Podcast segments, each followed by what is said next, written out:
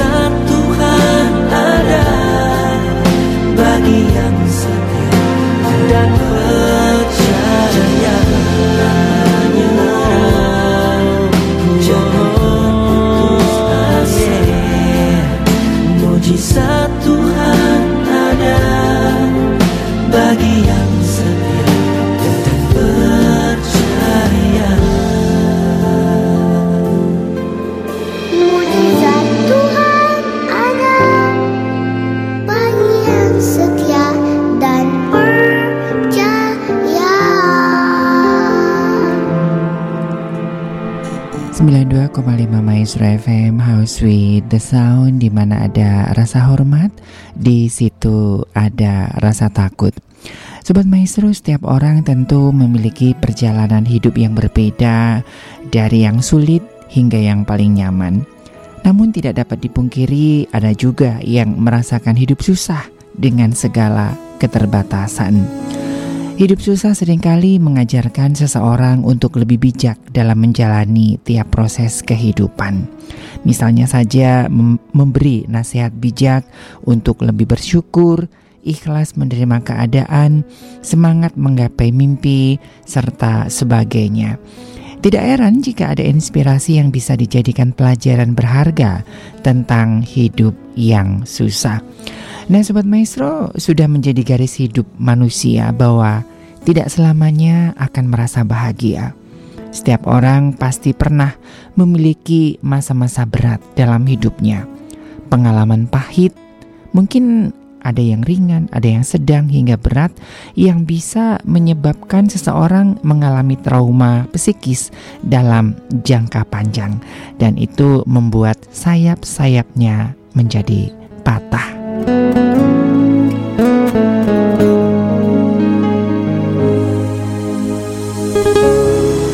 Shalom dan selamat malam Sobat Maestro, apa kabar Anda? Doa dan harapan kami Anda tetap sehat ya, tetap menikmati segala kebaikan Tuhan. Senang sekali saya Ari dan juga rekan Gideon boleh kembali menemani Sobat Maestro di Maestro Sweet Life Hope and Love Sabtu tanggal 19 Maret 2022 Hingga menjelang pukul 22 nanti ya, izinkan kami menjadi sahabat Anda untuk boleh berbagi. Khususnya bagi Anda yang sedang menghadapi masa-masa sulit begitu ya, yang seakan-akan mematahkan sayap-sayap Anda begitu. Nah, tema malam hari ini adalah flying without wings ya. Mungkinkah saya bisa terbang jika tanpa sayap? Nah, Iya, nanti ada jawabannya ya. Malam hari ini banyak sekali teman-teman saya yang akan sharing bagaimana mereka tetap bisa terbang sekalipun mereka tidak memiliki sayap.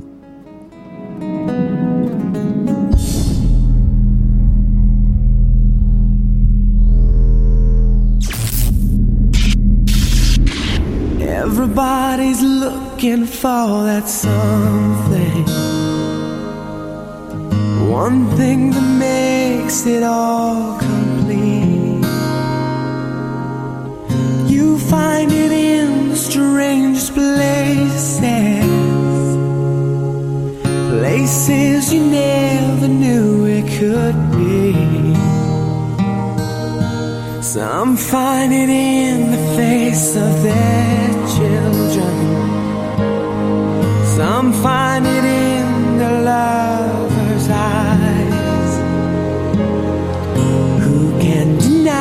joy it brings when you found that special thing?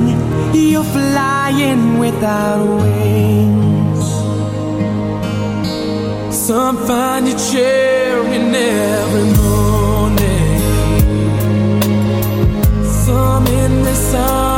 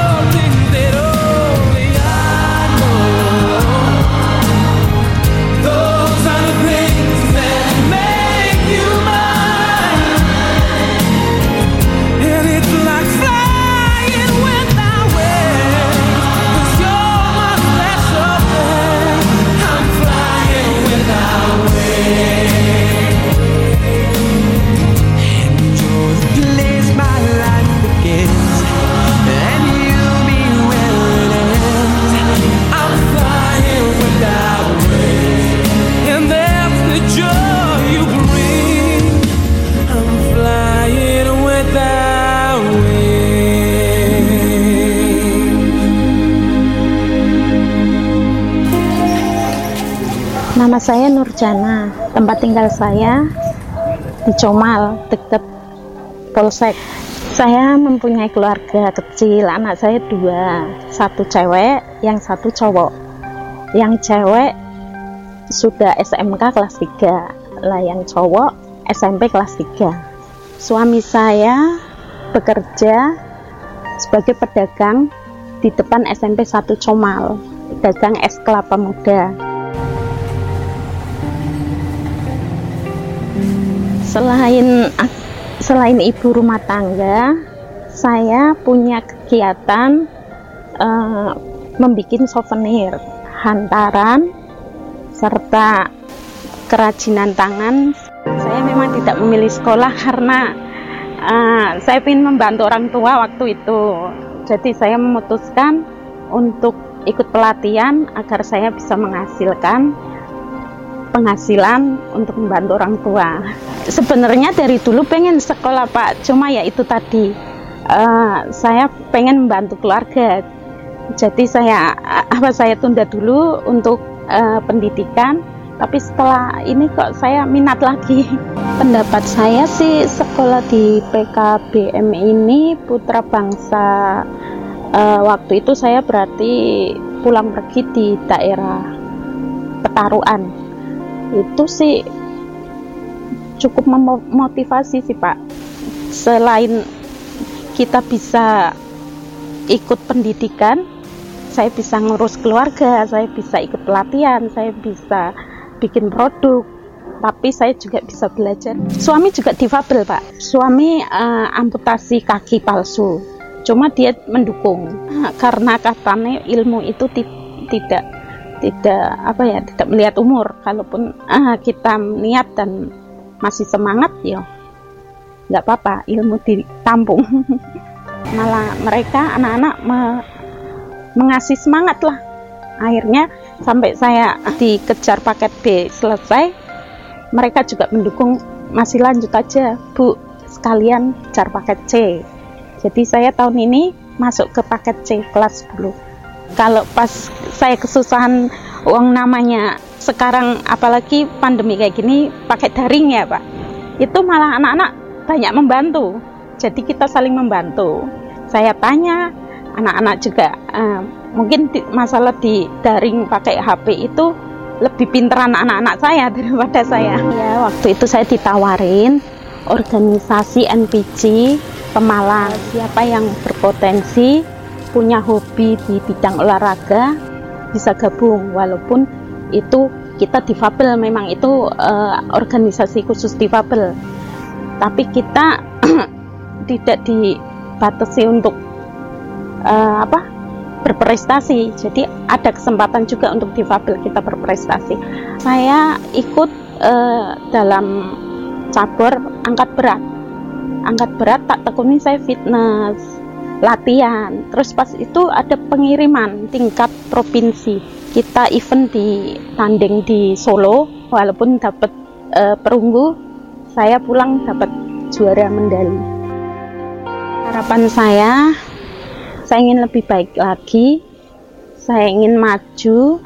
Kalaupun cita-cita saya dulu tidak terwujud, saya ingin anak-anak yang meneruskan cita-cita saya untuk suami, saya harapan saya sehat selalu karena dia adalah ayah dan suami yang tanggung jawab.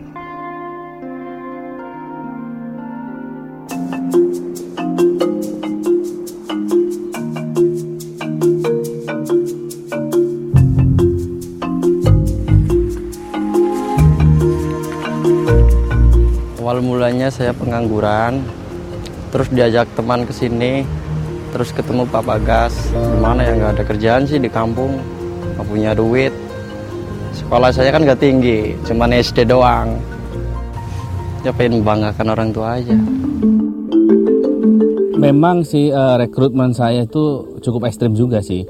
Karena uh, ya anak-anak ya anak-anak tahu sendiri kan mbak ya bertato apa gitu. Ternyata kita tawarkan gitu dia tertarik gitu dan kita dia tertarik kita bimbing kita ajak kerja. Ini loh seperti ini cara budidaya. Ini tuh jualnya seperti ini gitu. Jadi mereka sangat semangat dan udah berjalan 4 tahun 5 tahun itu mereka menikmati. Saya berpikir pengalaman pribadi. Pengalaman pribadi ya kelontang kelantung mabuk apa itu. Nah itu kan yang saya alami itu. Pertama saya tani itu di sini nih. Ini lokasinya persis kurang lebih 3000 meter. Dari sini kanan kirinya itu masih sawah uh, itu dari situ dari hasil yang 3000 meter itu terus. Dapat hasil kita kembangkan kita beli lahan lagi di sini. Perekonomian udah mulai membaik sedikit nah tiba-tiba ada musibah kebanjiran. Itu kalau nggak salah di tahun 2007 itu pas besok mau panen. Itu habis semua itu lahan. Dalam waktu saya bertani 2004 sampai sekarang artinya uh, dulu itu kita udah nggak mikirin nggak mikirin duit hasilnya berapa berapa. Tapi saya menciptakan lapangan kerja. Saya lebih suka suka saya senang banget saya bekerja begini lebih senang daripada saya di rumah bengang-bengong nggak karuan. Ya lebih baik saya ikut kerja begini gitu ikutin kemangi. Saya dapatnya kadang-kadang ya berapa? 35 petani sekarang kan umurnya 50 sampai 60 tahun. Mereka sebentar lagi mungkin pensiun. Jadi siapa yang akan meneruskan pertanian di Indonesia? Mungkin kan anak-anak muda ini harus kita kasih pengetahuan atau skill untuk menggantikan para petani-petani yang udah tua. Ternyata petani asik juga sih sebenarnya. Pengen buka lahan sendiri pengen beliin rumah buat orang tua yang lebih layak. Terus pengen nyekolahin adik yang tinggi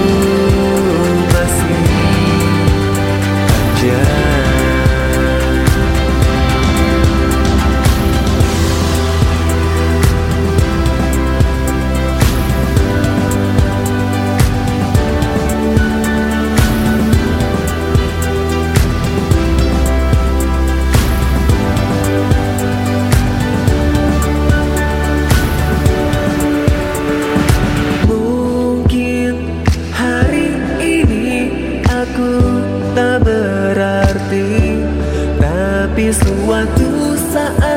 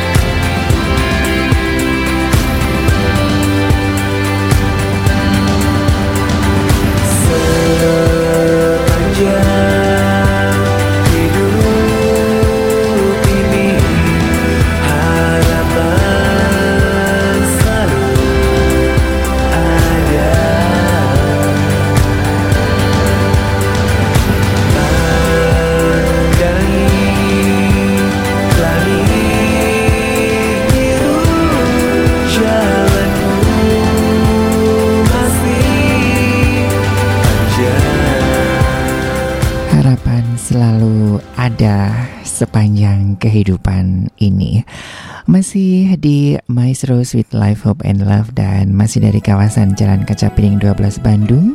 Saya Ari dan juga rekan Gideon masih bersama Anda hingga menjelang pukul 22 nanti.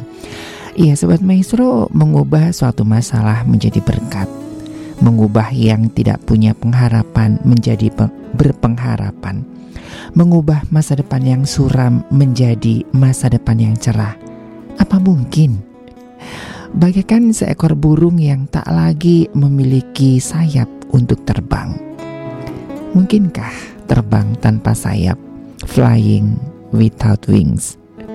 Dan ternyata sudah dibuktikan oleh dua rekan saya ya, Ibu Nurjanah dan juga uh, Bapak Bagas begitu ya. Ibu Nurjanah ini adalah suami istri difabel Sobat Maestro ya. Sewaktu saya di Comal, saya cukup kenal dengan keluarga ini dan juga Pak Bagas ini juga adalah mantan preman begitu. Yang semua orang mengatakan mana mungkin seorang preman bisa berhasil, mana mungkin seorang preman bisa berbuat sesuatu bagi sekitarnya, mana mungkin orang difabel bisa hidup dengan baik, mana mungkin seorang difabel bisa menjadi juara angkat besi? begitu. Tapi dibuktikan oleh dua sahabat saya Nah, sekalipun mereka sepertinya tidak memiliki sayap untuk terbang, tetapi iman, pengharapan, cinta itu yang membawa mereka terbang melesat lebih tinggi. Nah, sebagaimana dengan lagunya dari Westlife tadi ya Sobat Maestro ya, Flying Without Wing. Mungkinkah? Ternyata mungkin ya. Nah, sering kali kita membatasi diri kita. Aduh, sayap-sayapku kan udah putus, udah patah. Nah, uh, saya teringat dengan bukunya uh, Khalil Gibran ya. Ini hampir mirip dengan uh, judul bukunya Khalil Gibran ya. Saya saya putus begitu. Tapi ini berbicara tentang cinta ya kalau Khalil Gibran ya. Tapi dari lirik-lirik lagunya dari Westlife tadi ya Sobat Maestro itu sesuatu hal yang optimis begitu ya. Tidak harus memiliki sayap secara fisik untuk bisa terbang, tetapi dengan cinta kasih, dengan persahabatan, dengan pandangan mata, dengan ungkapan cinta, dengan rasa kasih, itu bisa membawa kita terbang melampaui batas-batas yang mungkin kemustahilan bagi manusia. Saya juga uh, kemarin ya ngobrol dengan beberapa orang ya yang mungkin sudah nggak punya sayap begitu tapi dia sangat puitis sekali. Saya mempunyai mantra untuk saya bisa terbang, sekalipun saya tidak punya sayap. Apa itu? Dengan saya menghafalkan huruf A sampai Z. Artinya apa? Dengan membaca Sobat Maestro. Ya, dengan literasi. Mungkin dengan pandemi ini sepertinya kita nggak bisa ke mana-mana. Tapi dengan membaca, kita bisa ke Amerika, kita bisa ke Hong Kong, kita bisa ke Belanda tanpa harus terkena virus corona dengan membaca ya. Nah, ya kita bisa terbang ke mana saja. Artinya sobat maestro, batasan-batasan kita itu kita sendiri yang membuat ya. Cara pandang kita itulah yang sering kali membuat kita tidak mampu terbang. Saya baru ngeh tadi ya lagu lirik lagu dari Westlife ya uh, Flying Without Wing. Saya pikir ini lagu yang yang penuh dengan uh, pesimis. Ternyata itu sangat luar biasa, ya. Dengan hal-hal sederhana itu bisa membuat sayap-sayap kehidupan kita itu menjadi berkembang. Dunia boleh mengatakan lu nggak mungkin lah, tetapi dengan harapan, dengan iman, dengan cinta, apa yang tidak bisa dilakukan? Oleh iman ya. Dan nanti ada banyak ya rekan-rekan saya yang akan sharing. Nah, silakan bagi Anda nih sobat maestro ya yang uh, ini juga menjadi jawaban ya bagi sahabat-sahabat saya yang uh, dari satu minggu ini juga sharing. Gak mungkin lah ini kan udah pandemi, aku dengan sakit begini, dengan masa lalu yang seperti ini, dengan bla bla bla bla bla. Itu adalah penjara-penjara yang kita ciptakan sendiri, sangkar-sangkar yang kita ciptakan sendiri sehingga kita nggak bisa terbang ke mana-mana. Ya, pola pikir kita ditutupi oleh masa lalu. Nah, nanti kita akan ngobrol-ngobrol lagi ya. Ini ada satu em, kisah ya dari seorang sahabat yang dia hanya berjualan koran dan jualan pulsa tapi bisa menikmati, dia bisa terbang ya, dalam artian dia bisa melewati hari-harinya yang sulit. Dan juga ada seorang mantan penghuni Gang Doli di Surat, tapi sekarang dia sukses menjadi pengusaha tempe.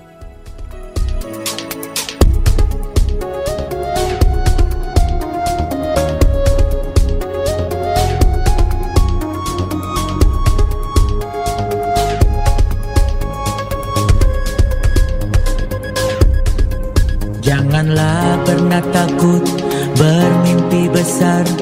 Hidup adalah sebuah impian Yang harus kita wujudkan. Hidup adalah sebuah kesempatan Yang harus kita gunakan.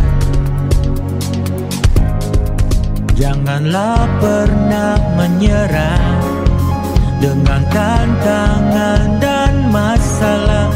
Teruslah maju, raih impian. Oh,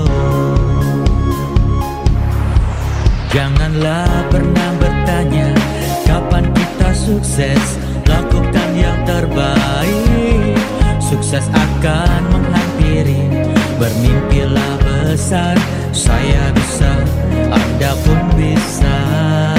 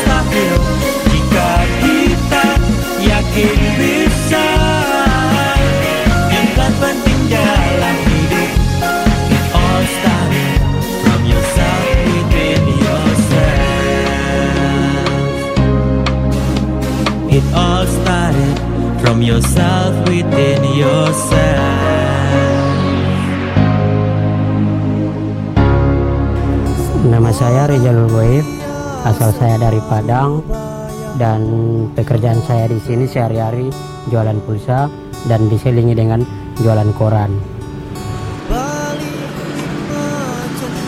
Terakhir saya keliling di Perumnas Klender, di pasar. Awal saya ke Jakarta di akhir ta, di akhir 2017 bulan November. Nah, awalnya sih saya sebelum di Jakarta di Pekanbaru nyari-nyari kerja tiga bulan dan semua lamaran yang saya masukin semua ditolak. Nggak tahu kenapa. Terkadang orang yang nerima lamaran saya belum dibuka udah ditolak. Jadi seolah-olah orang semuanya mandang fisik dulu bukan skill saya gitu. kalau penghasilan sekarang rata-rata jualan pulsa sama jualan jualan koran kalau pulsanya sih rata-rata paling nanti 8.000 7.000 cuma korannya kan bukan pribadi yang pribadi kan pulsanya. Kadang dikasih bosnya sih kadang 10.000 atau 15 cuma dari bosnya makan nanggung ini itunya nanggung. Ketemu kemarin sama supir angkot orang Padang dan dia sambil jualan koran di Pondok Kelapa. Nah, saya diizinin tempat saya diizinin tinggal di situ.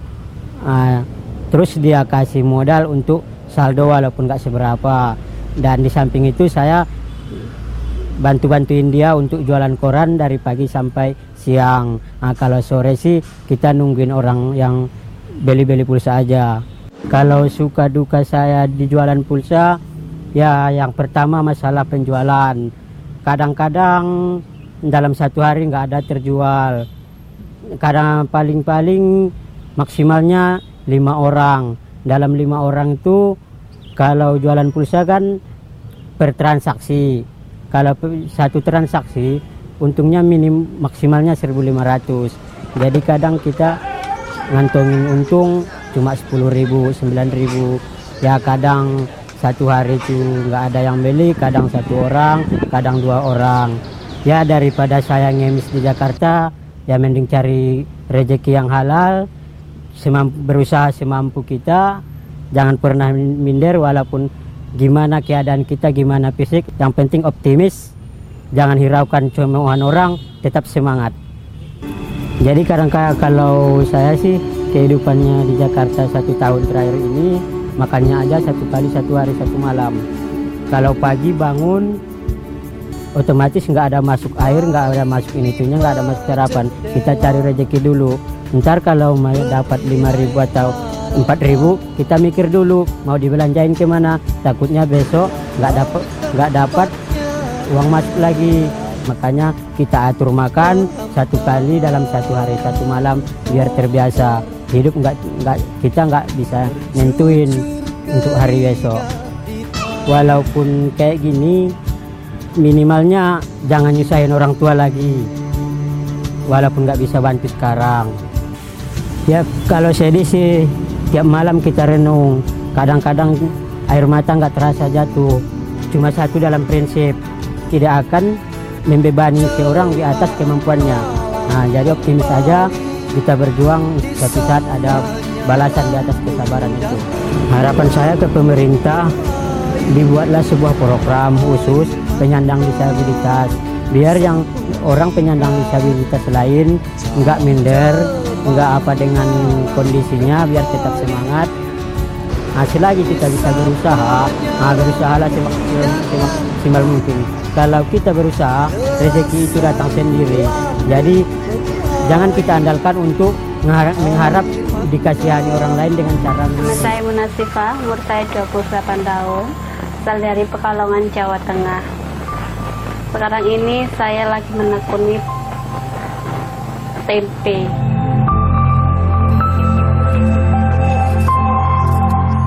Kenapa saya memilih buat usaha tempe? Ya karena ya menarik aja tempe. Biasa orang makan berhari-hari kan tempe. Saya belajar dari saudaranya suami saya yaitu Kang Ji dari Sidoarjo. Sebelum buka kira kerja di Doli saya skala tentunya.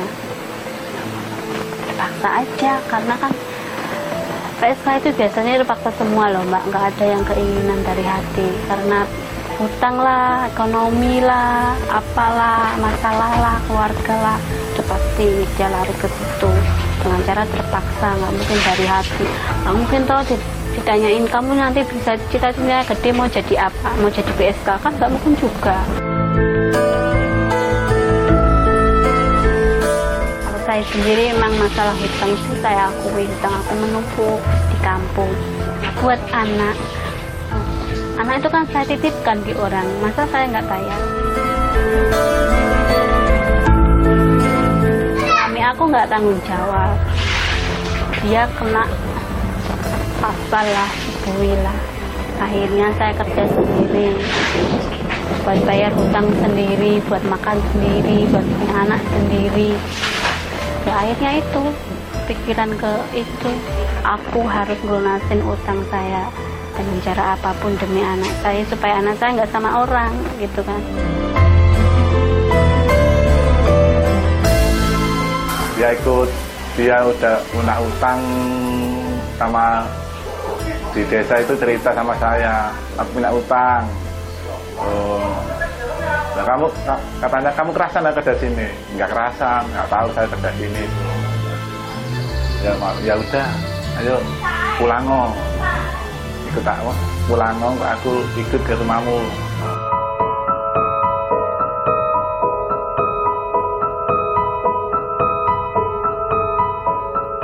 Akhirnya saya kepikiran di situ mbak.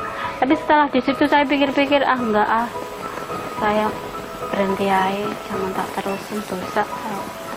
Udah lunas sudah saya menlepas berapa lama? Cuma tujuh bulan kok. Sampai sekarang pun aku masih kadang dosa aku itu dekat dinaikkan kayak gitu mbak kok aku sampai jual diri kadang gitu? Tapi ya sudahlah setelah penutupan doli itu kan kita kan nggak kerja selama dua bulan itu. Kita kayak orang bambu ngetik mau kerja apa ini mau kerja apa.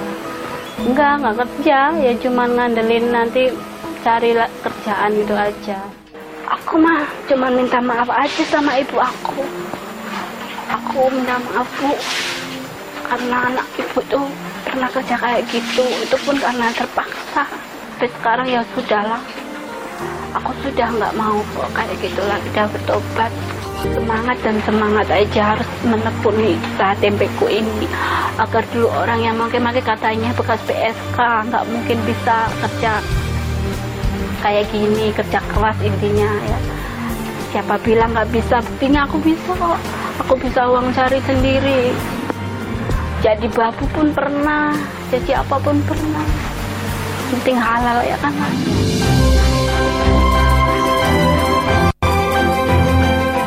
Aku berusaha untuk melupakan masa lalu. Harus bisa. Pokoknya harus bisa gitu aja. Rezeki kecil harus disyukurin. Besar juga disyukurin. Nggak ada rezeki pun sehari nggak apa-apa. Disyukurin kan? Kan gitu. Orang hidup ya jalannya kan masing-masing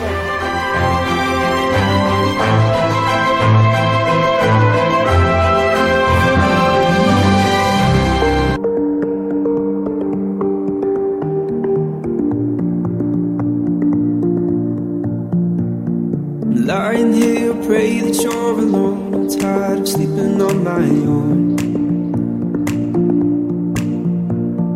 I wish your name would flash upon my phone, reminding me I'm not alone. Trapped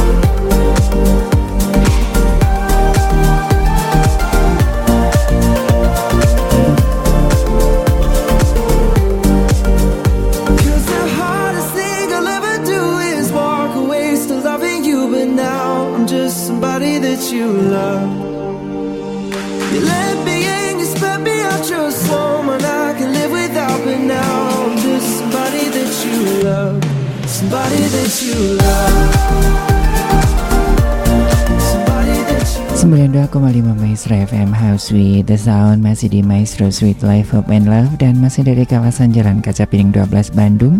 Saya Ari dan juga rekan Gideon masih bersama Anda ya hingga menjelang pukul 22 nanti. Selamat malam buat Anda yang mungkin baru saja bergabung dengan kami. Semoga ya sharing dari rekan-rekan kami bisa memberikan satu inspirasi buat Anda khususnya bagi Anda yang mungkin hari-hari ini terasa berat ya dan sayap-sayapnya udah terasa patah gitu, udah kayaknya lelah gitu ya. Dan tadi sudah dikisahkan ya bagaimana uh, ada seorang sahabat yang ya dia berjuang hanya dengan menjual uh, pulsa dan koran dan juga mantan PSK yang berjuang untuk menata kehidupannya. Nah Sobat Maestro meski terasa sulit menjalani hidup yang susah Semangat untuk selalu bangkit dari keterpurukan dan keterbatasan tentunya ini harus kita miliki. Inilah yang akan menjadi sayap bagi kita untuk tetap menikmati dan melanjutkan perjalanan hidup.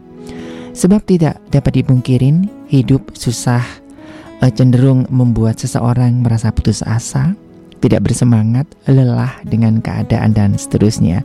Nah, kondisi inilah yang harus dihindari agar kita dapat bertahan dan tetap tegar di tengah-tengah kehidupan yang susah. Namun yakin dan percayalah sobat maestro, ada rencana baik yang telah disiapkan semesta untuk kita ketika kita diperhadapkan dengan hidup yang susah karena selalu ada harapan.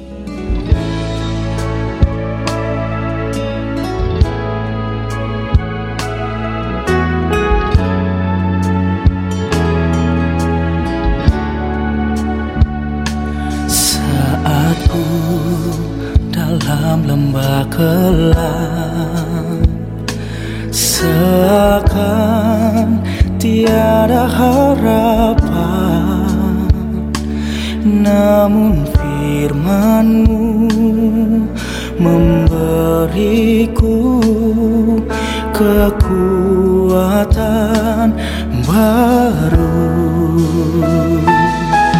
Dalam setiap musim hidupku Tak pernah kau meninggalkanku. Ku percaya kau setia Takkan tinggalkanku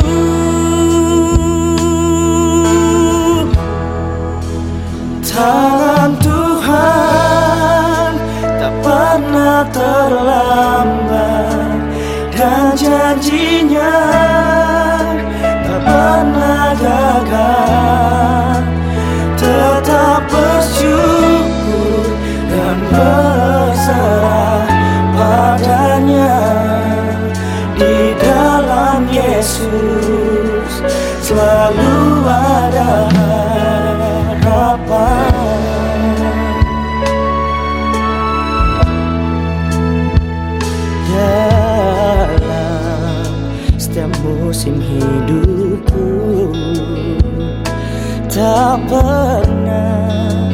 kau meninggalkanku.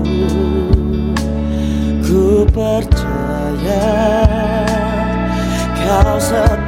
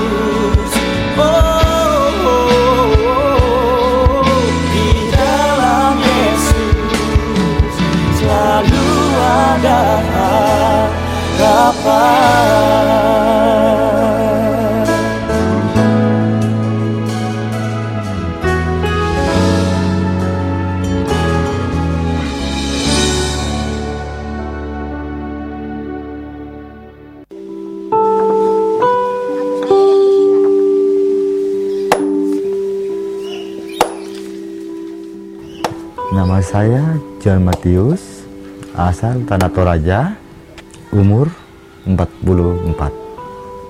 Eh, saya adalah orang yang terinfeksi HIV. Sejak diponis awal 2007, itu saya langsung down. Satu sisi mulut saya sudah jamur, terus diare, panas tinggi, batuk berkepanjangan lebih dari dua bulan. Jadi waktu itu saya sudah tidak punya harapan bahwa saya akan hidup. Saya sempat berpikir bahwa hilang kepercayaan diri, ketakutan, takut diketahui orang. Satu sisi takut kepada tetangga dan keluarga, terutama masyarakat umum. Saya mulai mengurung diri, jarang keluar rumah, terus juga ditambah dengan dukungan seorang suster Suster Diana dari PKM yang tidak pernah putus-putus untuk selalu mengunjungi saya, mengantar jemput saya ke dok 2 pada saat itu. Jadi saya sangat berterima kasih kepada Tuhan. Masih ada orang seorang yang perhatikan terhadap saya. Perhatian Bapak seorang, saya seorang Oda, tapi dia sangat pendukung. Dia mengatakan HIV tidak seperti yang Bapak bayangkan. HIV bisa diobati. Yang penting Bapak mau minum obat dan dia selalu setia pada saat itu. Sangat-sangat stigma di masyarakat sangat-sangat luar biasa. Dan saya ketakutan saya akan takut untuk di karantina. Itu yang terjadi buat saya. Atau saya akan diusir dari kampung ini gitu. itu yang terbayang di benak saya. Dengan cara pelan saya mulai mendatangi keluarga satu persatu dan keluarga mengatakan kamu harus sabar. Apa pun yang kamu alami kamu jangan pernah putus asa itu sangat luar biasa bagi saya waktu itu. Dan saya mulai percaya diri bahwa keluarga saya tidak menolak saya. Itu saya sudah jam 5 sudah bangun. Kadang jam 4 saya harus siram kandang babi dulu. Kasih makan babi setelah itu baru saya mulai jalan ambil makanan babi. Jadi saya usaha ternak ini saya harus menjaga lingkungan. Artinya menjaga jangan sampai tetangga juga terusik karena saya beternak babi. Saya tidak mau tetangga itu mencium aroma yang tidak enak karena saya beternak jadi saya harus menjaga kebersihan. Jadi minimal dalam sehari saya menyiram sampai lima kali. Saya orang yang bekerja keras tapi dengan kondisi saya positif HIV saya berpikir apa yang saya harus bisa lakukan di hidup di tengah kota ini. Mulai timbul pikiran mungkin de- dengan cara berternak saya bisa hidup di kota.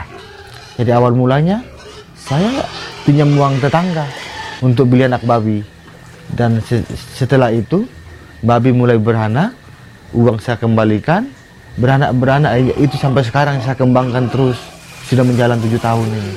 Ya saya itu salut sama Pak John biar dia orang Oda itu dia kerja keras untuk anaknya sekolah, mak dia sendiri yang kerja tuh. Salut sekali. saat jam 7 saya harus minum obat. Karena saya harus kerja sebagai pendamping di lapangan. Jadi saya harus membagikan kepada teman-teman saya yang terinfeksi bahwa dengan HRP kita bisa sehat. Karena kita tahu HRP adalah bisa me- meningkatkan kualitas hidup kita, maka saya rela berkorban untuk membawa waktu saya untuk sebagai pendamping dari rumah sakit Juari dalam seminggu tiga kali. Saya juga kunjungan ke bangsal-bangsal buat teman-teman yang lagi opname atau yang baru mengetahui status. Saya harus mendukung mereka supaya mereka tidak jatuh bahwa mereka oh ada juga Oda yang sehat karena RP. Itu harapan saya. Memang saya sudah sering kali diundang dari dengan gereja-gereja untuk memberikan kesaksian tentang HIV ini stigma di masyarakat semakin besar. Jadi saya harus melawan itu dengan cara membuktikan bahwa dengan testimoni dengan kesaksian yang nyata bahwa saya adalah orang yang sehat karena RP dan saya puji Tuhan kepada gereja sekarang bahwa gereja sudah mulai peduli. Jadi saya tidak akan pernah menyerah. Saya berharap ke depan semoga ada pengganti saya lebih, lebih banyak yang berani tampil di publik untuk bahwa HIV itu tidak berbahaya bagi orang lain.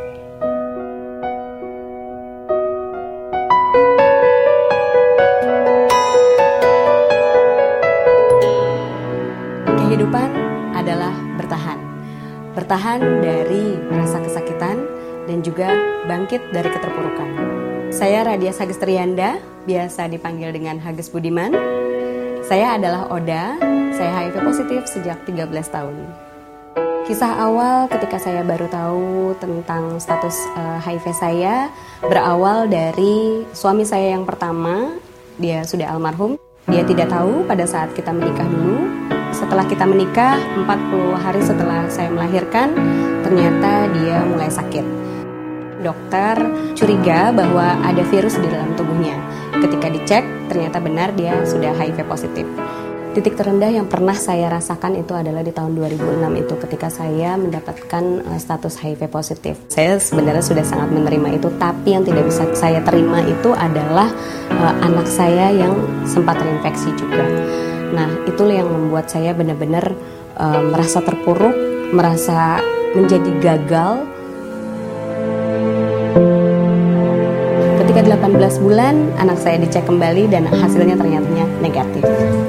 Awal mula pertemuan saya dengan uh, suami saya yang kedua sekarang ini, kita bergerak sama-sama di bidang HIV.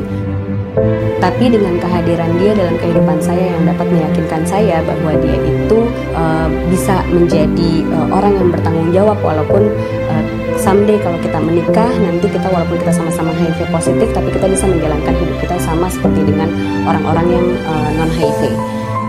Kita bisa punya anak yang negatif. Walaupun saya dengan dalam keadaan yang masih trauma karena anak saya yang pertama itu sempat HIV positif, hasilnya negatif dan saya bisa buktikan itu kepada keluarga dan juga kepada masyarakat. pada proses tumbuh kembangnya di remaja menuju dewasa itu lebih ke pelarian. Bagaimana mencari jati diri, akhirnya keluar dari keluarga sampai sempat pindah agama, ah, nikah muda. Nah di situ saya lihat beliau kuat gitu. Eh, dia sebagai seorang sosok ibu, kekuatan dia untuk terus bisa survive adalah anak itu yang saya sangat pahami dari seorang istri saya hanya untuk anak. Hagus itu seorang Oda, Oda yang eh, benar-benar berdaya, inspirasi banget karena dia itu eh, ibu dari empat orang anak. Dia hidup dengan HIV selama 13 tahun, tapi tidak kelihatan seperti orang yang ada virus di dalam tubuhnya. Dia tuh happy, happy dengan kehidupannya, dengan anak-anaknya, dengan keluarganya, dengan suaminya, dan itu memang patut eh, dicontoh kalau HIV itu bukan akhir dari segalanya. Saya pernah dicintai, tapi saya juga pernah terbuang. Tidak mudah memang bertahan sebagai ibu dengan status HIV positif. Namun, dengan kita tetap mempunyai alasan untuk memilih bertahan hidup dan bangkit dari keterpurukan, kita harus mempunyai keberanian.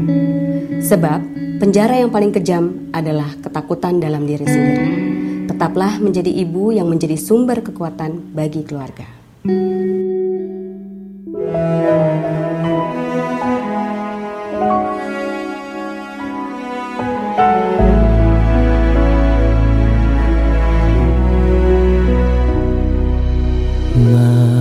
Si ada harapan saat kau berdoa. Saat mengangkat tangan Tuhan turun tangan.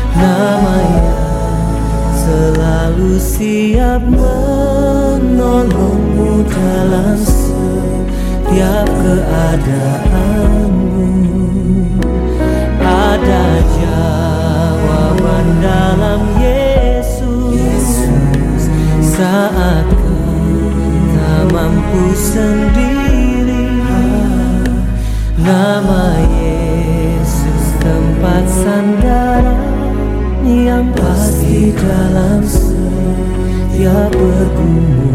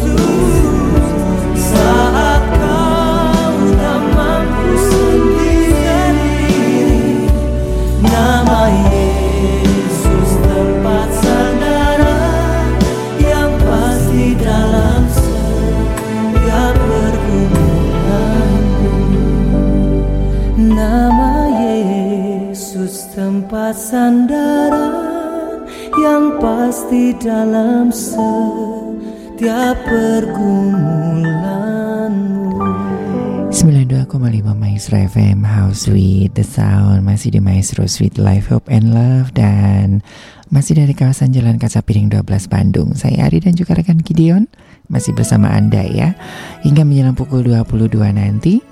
Sudah 16 menit dari pukul 21. Selamat malam buat Ibu Ani di Citamiang ya. Sehat selalu, selamat beristirahat bersama dengan keluarga buat Ko Stanley juga apa kabar?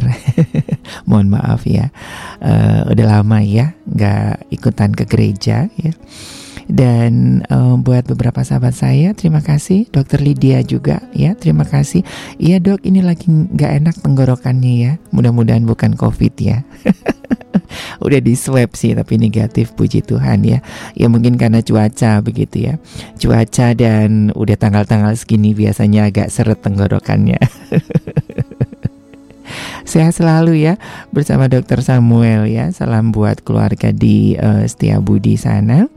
Selamat malam juga buat rekan-rekan saya yang malam hari ini bersama-sama dengan uh, saya yang uh, tengah apa namanya ya mem mempersiapkan sayap-sayap baru. Iya, saya juga pernah di posisi seperti ini ya Sobat Maestro yang sering saya ceritakan ya. Bahkan sampai sekarang ini pun saya sudah nggak punya sayap untuk terbang gitu ya. Uh, Nggak punya kemampuan untuk saya bermimpi Nggak punya uh, kemampuan untuk aduh nanti kepingin apa kepingin apa udah nggak ada gitu. Udah hancur bener ya. Hidup saya udah bener-bener hancur ya baik itu secara finansial juga hancur secara fisik juga hancur gitu. Dan saya juga pernah uh, berpikir bahwa aduh lebih baik saya mati aja kan? Nah awal-awal uh, saya siaran kan seperti itu gitu ya. Karena udah nggak mungkin saya mau terbang mau ke mana gimana nggak nggak mungkin bisa begitu. Tetapi ketika ketemu dengan orang-orang yang hidupnya juga susah, hidupnya juga berat. Di situ Iya ya, walaupun saya nggak harus memiliki sayap yang seperti malaikat, seperti uh, burung garuda, ya, tetapi dengan sentuhan-sentuhan, dengan penerimaan, dengan motivasi, itu adalah sayap gitu. Dan saya bersyukur ya, sobat maestro, sayap-sayap saya adalah Anda semuanya dukungan Anda, support Anda, doa-doa Anda. Itu itu adalah sayap-sayap yang membuat saya terus bisa terbang. Terus bisa melayani, terus bisa memiliki semangat hidup, terus bisa uh, membuat sebuah karya begitu sekalipun nggak spektakuler begitu ya tapi dengan support anda perhatian anda dukungan anda itu buat saya itu adalah sayap yang membuat saya bisa terbang kembali, memiliki harapan untuk hidup, memiliki satu masa depan begitu ya. Nah termasuk kemarin ya uh, saya sempat sharing begitu. Kayaknya mau ngapain lagi sih hidup gitu kan? Keluarga udah nggak ada Orang tua nggak ada gitu.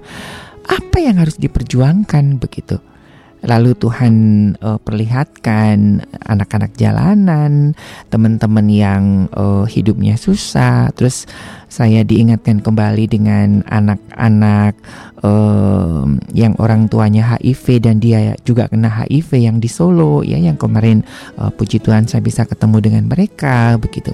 Sekalipun saya tidak memiliki uh, uang yang banyak begitu. Tapi dengan kehadiran saya itu ternyata juga menumbuhkan sayap-sayap bagi teman-teman saya yang nggak nggak punya harapan untuk hidup ya ya terus juga dengan teman-teman saya yang sudah terinfeksi HIV AIDS yang mungkin juga uh, melakukan kesalahan-kesalahan dalam kehidupan mereka, mereka yang sudah bercerai, mereka yang ditinggal suaminya, sepertinya nggak nggak mungkin lah bisa ada harapan gitu ya.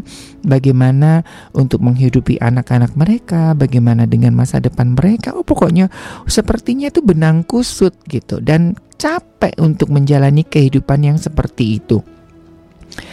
Tetapi ya ketika uh, kita ngobrol bersama ya saya memberikan telinga saya ya kadang-kadang juga kadang-kadang uh, pikiran sedikit gitu ya.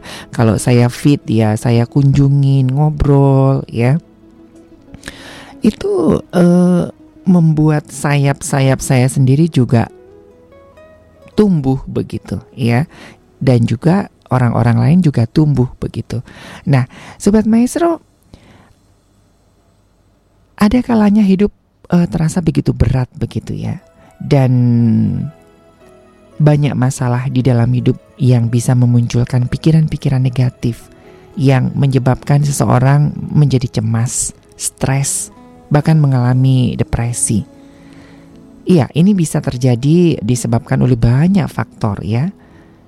Dan yang utama adalah pola pikir yang selalu negatif terhadap diri sendiri, ya seperti em, sahabat kita tadi yang mantan PSK, ya saya juga sedang mendampingi ya beberapa rekan-rekan yang seperti itu. Mungkinkah kesalahan-kesalahan saya Tuhan ampuni gitu ya? Ya mengingatkan bahwa Tuhan kita itu Tuhan yang tidak pernah mengungkit-ungkit kesalahan-kesalahan kita di dalam Yakobus, di dalam Petrus, ya di dalam Yesaya juga disebutkan bahwa sekalipun dosamu semerah kermisi, Tuhan akan membuatnya putih seperti salju, ya. Sekalipun merah seperti kesumba, tetapi dibuatnya menjadi putih seperti bulu domba begitu. Dan kesalahan-kesalahan itu sudah dibuang ke tubir laut dan Tuhan tidak akan lagi mengingat-ingat kesalahan kita. Jadi kalau kita masih mengingat-ingat kesalahan kita itu hanyalah iblis ya. Iblis itu paling seneng ya dengan menggunakan masa lalu kita. Padahal Tuhan itu sudah mengampuni kita bayar teteleste ya. Di kayu salib semua sudah Tuhan bayar lunas. Nah, apalagi kan beberapa eh, minggu lagi kita masuk dalam masa-masa Paskah begitu ya. Yuk kita ingat janji Tuhan ya. Ini buat sahabat-sahabat saya yang masih ngerasa bahwa nggak mungkin lah aku diampuni, nggak mungkin plak plak plak plak begitu kan. Ingat Tuhan sudah menyelesaikan semuanya. Ya, jadi mari kita memiliki cara pandang yang positif. Nah, mengubah suatu masalah menjadi berkat, mengubah yang tak punya pengharapan menjadi berpengharapan, mengubah masa depan yang suram menjadi masa depan yang cerah, mungkinkah? Mungkin, karena kita punya Tuhan. Segala sesuatu menjadi mungkin jika kita melihat dari sudut pandang Tuhan, melihat dengan mata iman, bukan melihat apa yang terlihat secara kasat mata. Sebab bagi Tuhan tidak ada yang mustahil. Begitu pula tidak ada yang mustahil bagi orang yang percaya. Kehidupan umat-umat Tuhan yang sesungguhnya adalah hidup karena percaya, bukan karena melihat.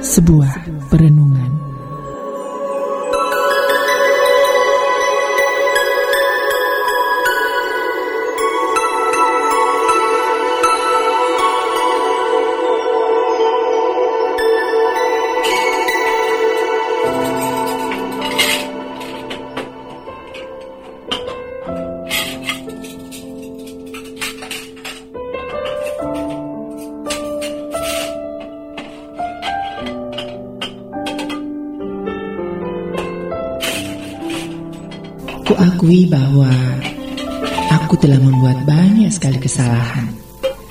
Sering tidak menepati janji dan berbohong mengenai kedua hal itu. Aku pernah mabuk saat berkendara. Tetapi aku berkata, aku tidak mabuk. Karena itu semua, aku kehilangan rasa hormat dan merusak kepercayaan. Aku berkata, maafkan aku. Tetapi tetap saja permintaan maafku bertepuk sebelah tangan. Sang pencipta memberiku kesempatan. Aku memiliki begitu banyak kesempatan untuk berperilaku berbeda dalam hidupku. Dalam pernikahanku dan hubunganku yang lain. Tetapi sudah lama, aku tidak melakukannya. Lalu aku mendengar perkataan seorang guru. Dalam kebingunganku, aku mendengarnya berkata, "Semua orang dapat mengosongkan gelasnya dan mengisinya dengan sesuatu yang dapat memberikan hidup." Aku sepertinya menemukan sebuah kata-kata bijaksana dan aku mendapatkan sebuah pencerahan. Sang pencipta bisa berbicara kepadaku melalui kata-kata itu dan saat aku mengakui kebenarannya, aku pun akhirnya bisa berubah. Memang godaan selalu ada, tetapi aku bekerja sama dengan sang pencipta dan aku mengisi gelasku dengan kebenaran darinya. Kini ku beritahu kepada siapa pun bahwa tidak ada yang istimewa dalam diriku. Jika sang kuasa menyembuhkan hidupku, maka dia pun pasti bisa melakukannya kepada semua orang.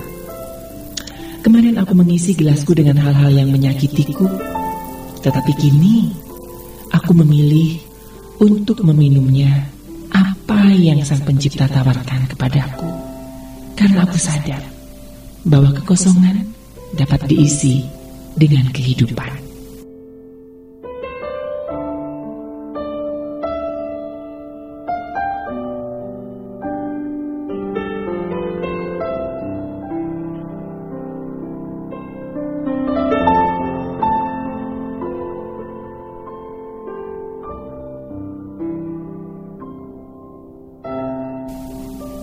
Ya Tuhan yang Maha Pengasih dan Maha Penyayang,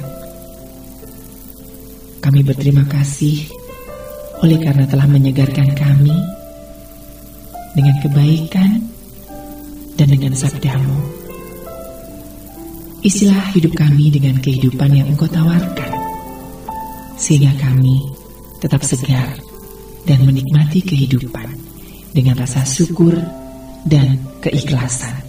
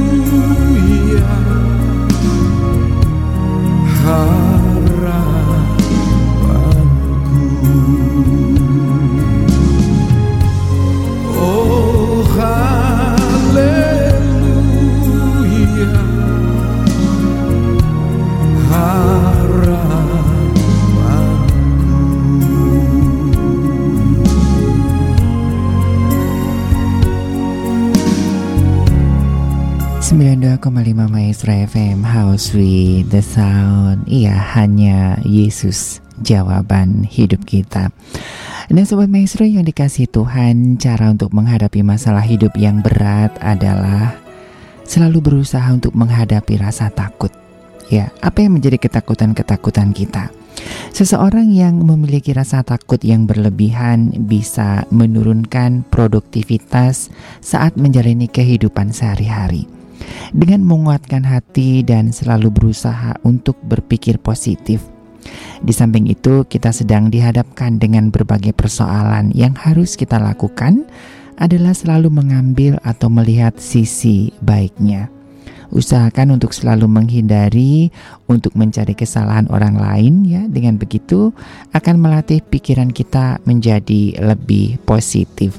Nah, khususnya bagi kita ya sebagai umat percaya seharusnya menjalani hari-hari dengan penuh dengan kemenangan ya, sekalipun banyak tantangan.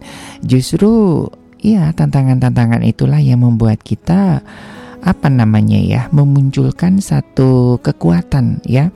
Meskipun situasi yang ada di sekeliling tidak mendukung atau berada di tengah-tengah dunia yang bergejolak sekalipun sebab kita punya Tuhan yang besar. Tuhan yang heran dan teramat dahsyat kuasanya. Dalam sejarah kehidupan manusia tidak ada seorang pribadi atau nabi pun yang berani berkata seperti Tuhan kita.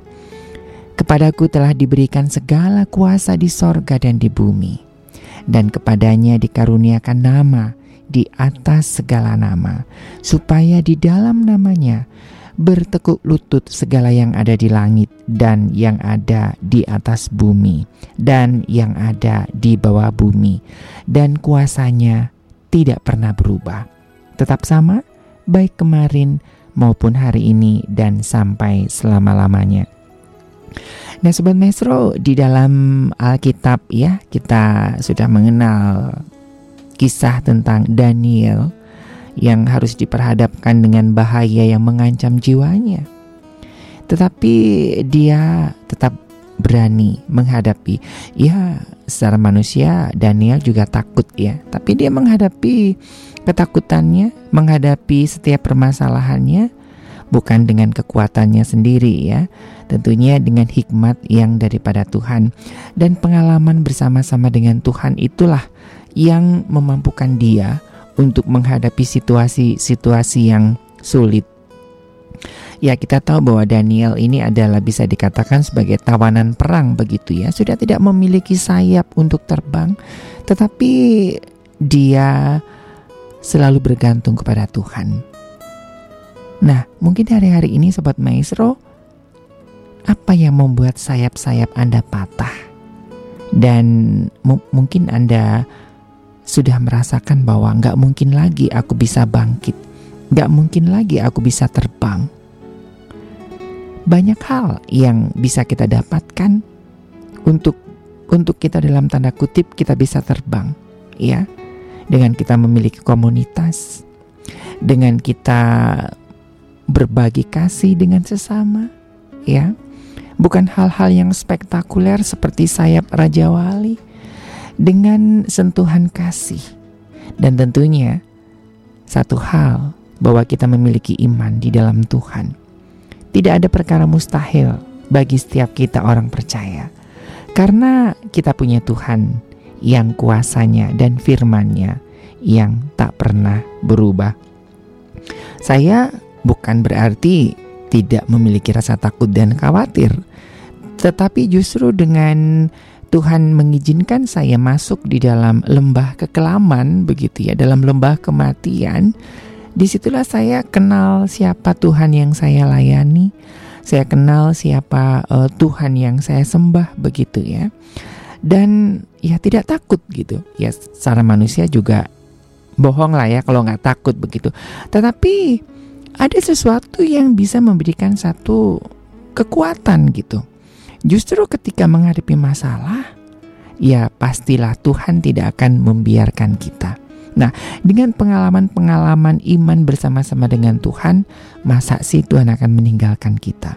Ya, kita berani bukan karena kekuatan kita sendiri, tetapi Tuhan sudah berjanji akan menyertai kita. Untuk sahabat-sahabat saya yang hari-hari ini mungkin tengah terpuruk menyesali semua hal kebodohan-kebodohan di masa lalu, oke. Okay. Tetelestai ya, cukup sampai di sini gitu ya. Karena Tuhan sudah menyelesaikannya buat kita semuanya untuk Anda di mana pun Anda berada. Sehitam apa pun kehidupan Anda, seburuk apa pun masa lalu Anda, Anda tetap berhak mempunyai masa depan di dalam Tuhan.